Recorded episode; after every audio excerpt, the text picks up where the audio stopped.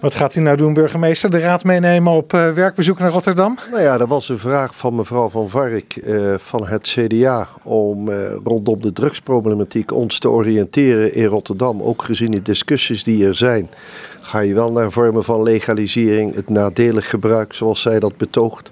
En ik denk dat dat een nuttige suggestie is en dat werd door de commissie gedeeld. En ik denk dat het goed is om ons te oriënteren, omdat ook rondom de problematiek van drugs natuurlijk weer allerlei ontwikkelingen plaatsvinden. Er zijn gemeenten die zijn gestart met een experimentele vorm van legalisering. Denk aan Tilburg en Breda. Andere steden willen dat absoluut niet. Hmm. Nou, en het is goed denk ik om als Leiden zich te oriënteren hoe gaan we met dat vraagstuk om. En waarom dan naar Rotterdam en niet bijvoorbeeld naar Tilburg?